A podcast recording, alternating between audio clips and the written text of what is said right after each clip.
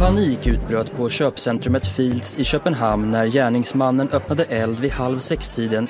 Ner, ner, håll tyst, ducka. Bort från byggnaden, bort från byggnaden. Fort som eh, satan. Tre döda och fyra skadade i Köpenhamn i söndags. Och under midsommarhelgen två döda och 21 skadade i Oslo. Två blodiga massskjutningar i våra grannhuvudstäder på kort tid. Vad betyder det här? Av de fyra är två svenskar. Polisen har inte velat gå ut med vilka skador de har annat än att de är allvarliga. På en kvart får du veta hur det kommer sig att Sverige varit relativt förskonat från massskjutningar trots att skjutvapenvåldet samtidigt nått nya rekordnivåer. Det är tisdagen den 5 juli. Jag heter Erika Treis och det här är Dagens Story från Svenska Dagbladet.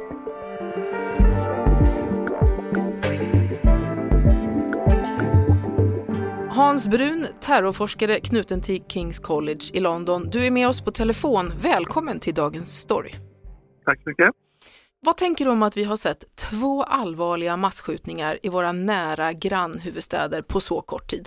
Det är naturligtvis väldigt sorgligt det här. Man blir, blir lite nedstämd när det här inträffar. Samtidigt så vet vi om eh, sedan ganska lång tid tillbaka att den här typen av tragedier har en tendens till att följas upp i närtid av, av ytterligare sådana här händelser.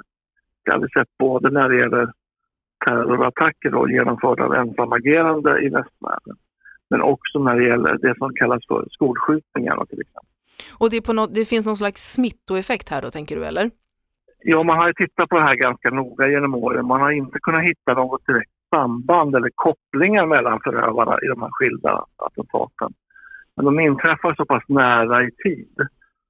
Eh, det kan vara någon, någon, några dagar emellan eller någon vecka emellan. Och sen så är det tyst ett tag.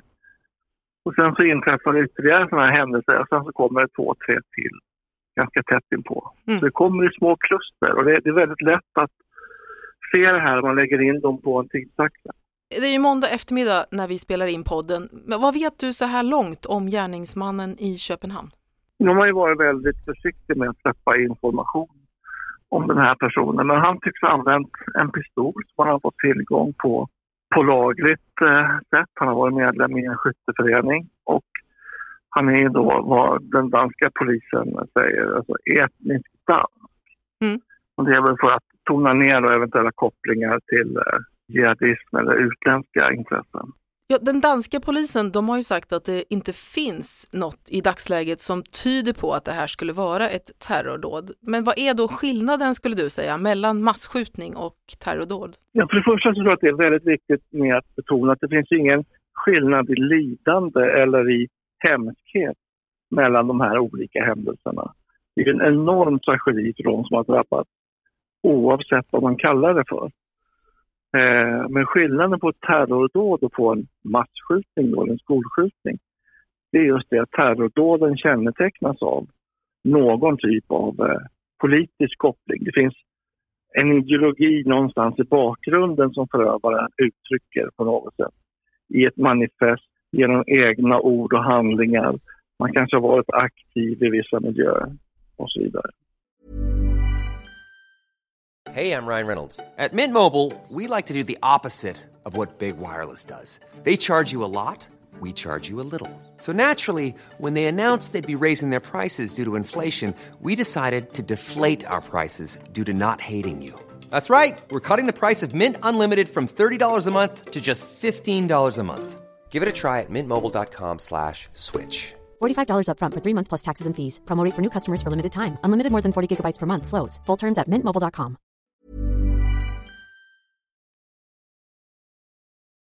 Och att de här båda misstänkta gärningsmännen, både i Oslo och Köpenhamn, då varit kända av polisen sedan tidigare och ändå lyckades utföra de här dåden. Vad säger du om det? Det är ganska vanligt och inte minst när det gäller eh, terrordåd av ensamagerande.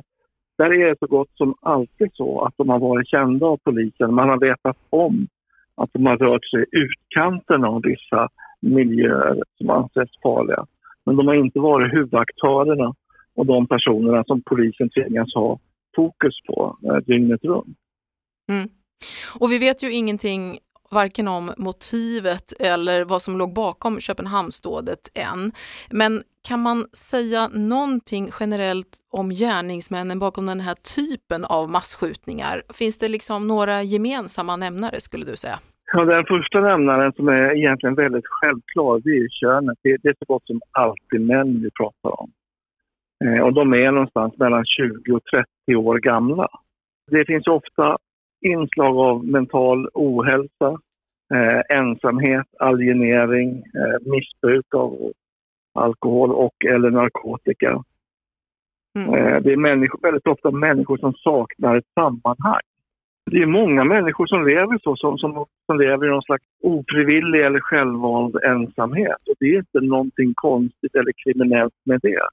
Men just det här att de lever tyst och stilla och, och vi lever inte i ett samhälle som är övervakat till 100 procent dygnet runt.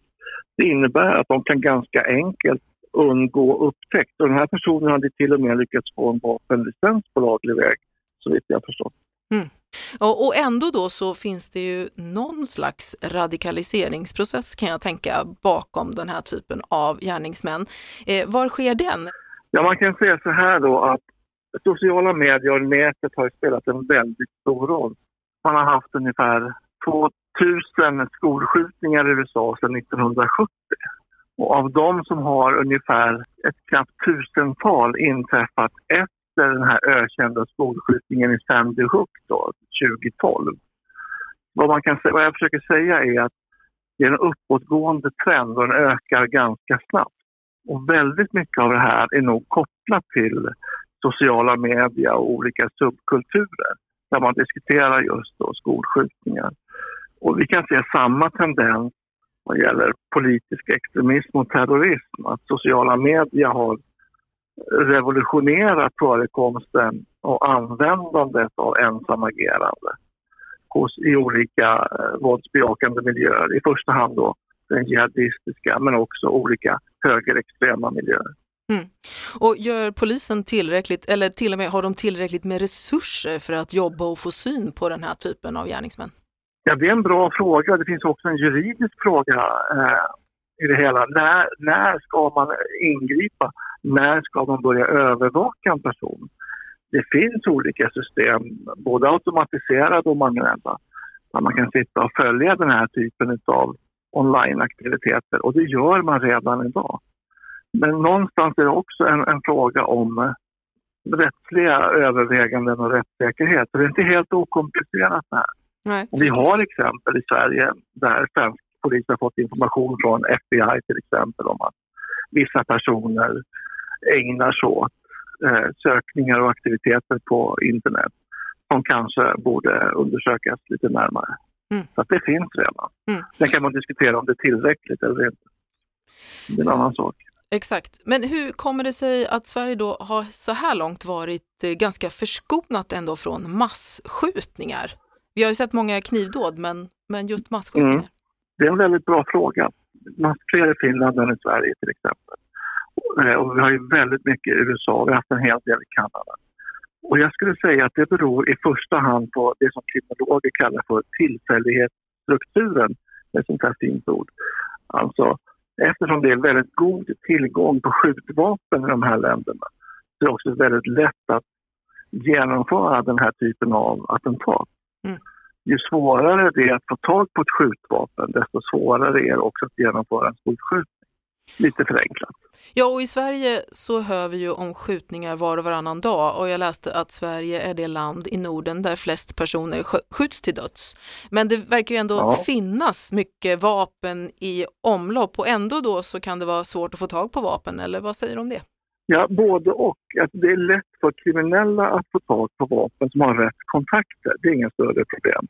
Men om vi nu pratar om alienerade människor som lever lite ensam, som kanske har både en och flera psykiska handikapp. Det är inte allt för lätt för den typen av individer att få kontakt med de här nätverken och dessutom få förtroendet att få köpa ett skjutvapen eftersom säljaren utsätter sig för en risk varje gång han eller hon säljer ett skjutvapen. Jag förstår. Och i USA däremot, där har ju massskjutningar snarast blivit en del av vardagen. Eh, och det handlar väl Mm, förstås om deras, eller hur, om vapenlagarna. Men, men, Absolut. men finns det några andra orsaker också bakom att det ser ut som det gör i USA? Jag skulle nästan säga att det, det har blivit en, en väldigt obehaglig och stark subkultur i USA. Där man helt enkelt tar ut sina frustrationer på sin omgivning med hjälp av skjutvapen. Dels i form av skolskjutningar men också i form av sådana här eh, eh, skjutningar på arbetsplatser som också är ganska vanligt. Det, det drunknar lite i bruset tyvärr. Men det har funnits en hel del sådana. Finns det någon risk att vi kommer att få se masskjutningar också här i Sverige framöver? Ja, det tror jag nog tyvärr.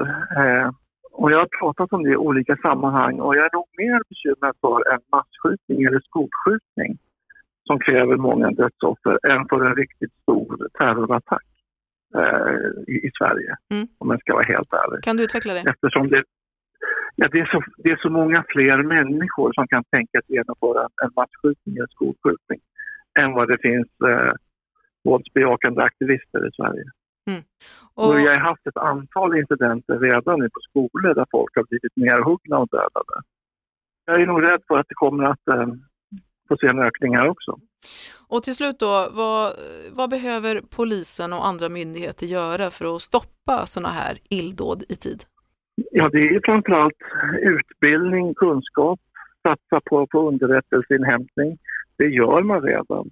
Och det vi har blivit väldigt bra på i Sverige det är ju på att avbryta pågående attacker. Det som kallas för pågående dödligt våld på polissvenska.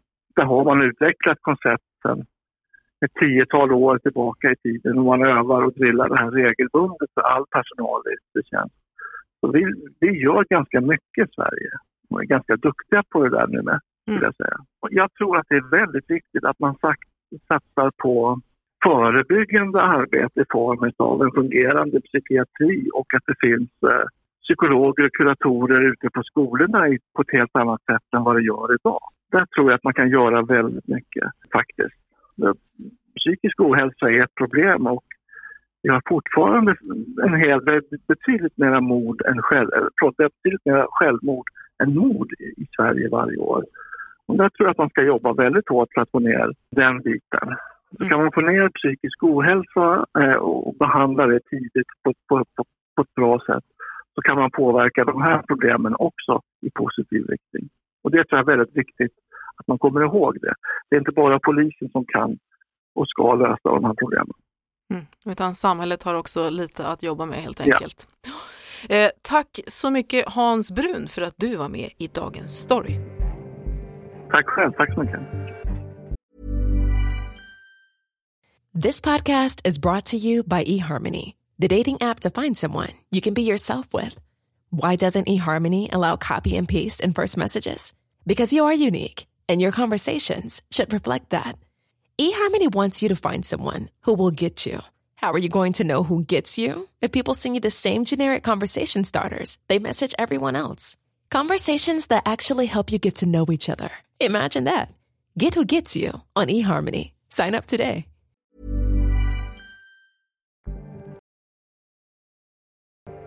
Vi som har gjort programmet idag är producent Kajsa Linderoth, redaktör Teresa Stenler von Matern och jag heter Erika Treijs.